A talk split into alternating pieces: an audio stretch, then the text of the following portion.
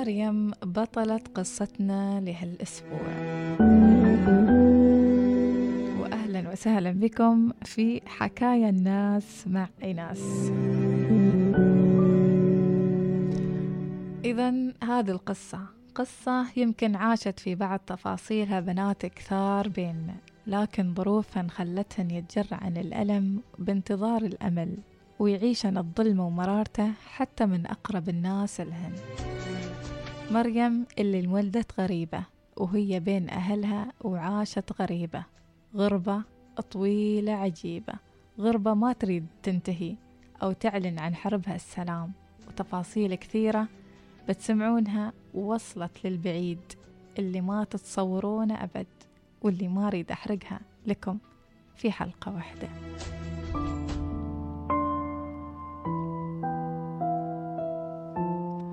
تبدأ مريم القصة وتقول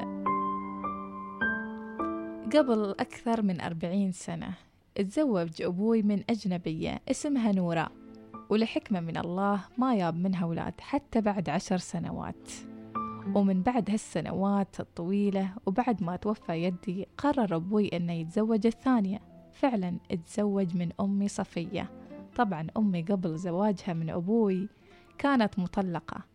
عندها ثلاث بنات وللأسف لما تزوجت تركت كل بناتها لأهلها وحدة مع خالها وحدة مع عمها وحدة مع خالها الثاني وخاصة أن أبوهن بعد الطلاق تزوج زوجة ثانية غير أمي وبكذي اتشتت الشمل.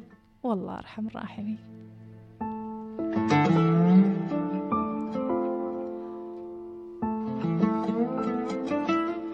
تقول مريم في قصتها لما تزوج أبوي وأمي جيت أنا على الدنيا بعد فترة بسيطة.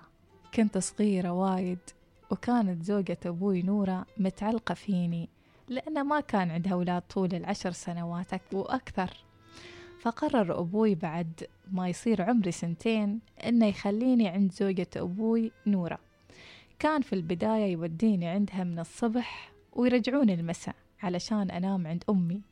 ومرت الأيام لين ما خلوني أتعود إني أنام معاه وأعيش معاها على طول أو حتى أقضي معاها طول يومي.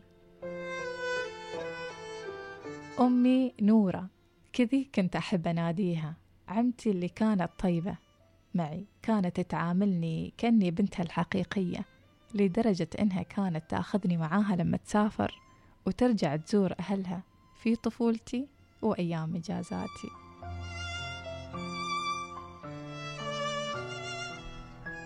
تقول مريم في القصة في هذه الفترة يابت أمي صفية إخواني الثانيين وللأسف ما كان عندي أي شعور تجاه أمي.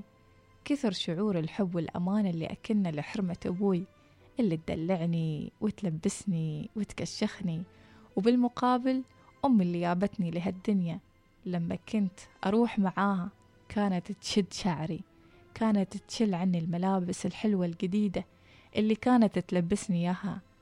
عمتي نورة وتلبسني ملابس قديمة بالية ما يتقبل صوبها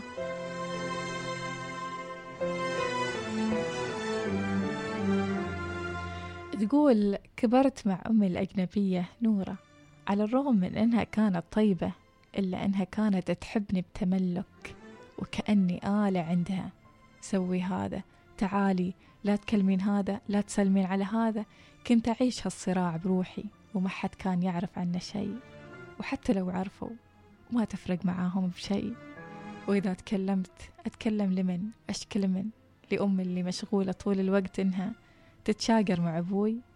ويتفننون في المشاكل اللي يختلقونها طول الوقت. صرنا نخاف حتى من صوتهم العالي وصريخهم اللي زعزع أمان طفولتنا.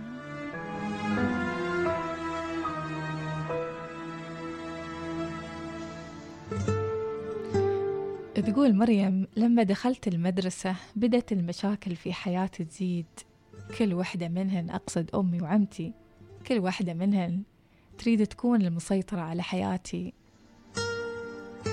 حتى في أبسط قرار قرار في أي مدرسة أدرس. كانت تصير الضرابة والمشاكل ما بينهم ولما صار عمري عشر سنوات وبعد فترة طويلة ولدت عمتي الأجنبية نورة بنت سمتها ريم وبمجرد أن حلمها بالإنجاب صار حقيقة بعد طول هالسنين تحولت من بنتها المدللة اللي تتمناها لمثل وحدة حالة حال عاملة منزل. تخيلوا عمري عشر سنوات. أنظف وأحط وشل وحتى لما تصيح بنتها من نفسها كانت تتهمني بأني أنا أذيتها. لو كنت حتى بعيد عنها تقول أني أنا المذنبة في كل هذا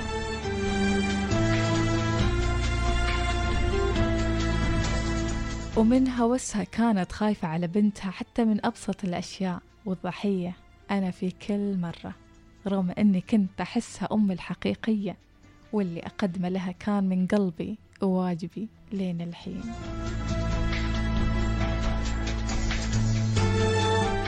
إذا تعلمت مريم الطبخ ومن هي صف الرابع كانت تنظف وتطبخ ونفس الوقت كانت تدرس. ليه ما صار عمرها 11 سنة؟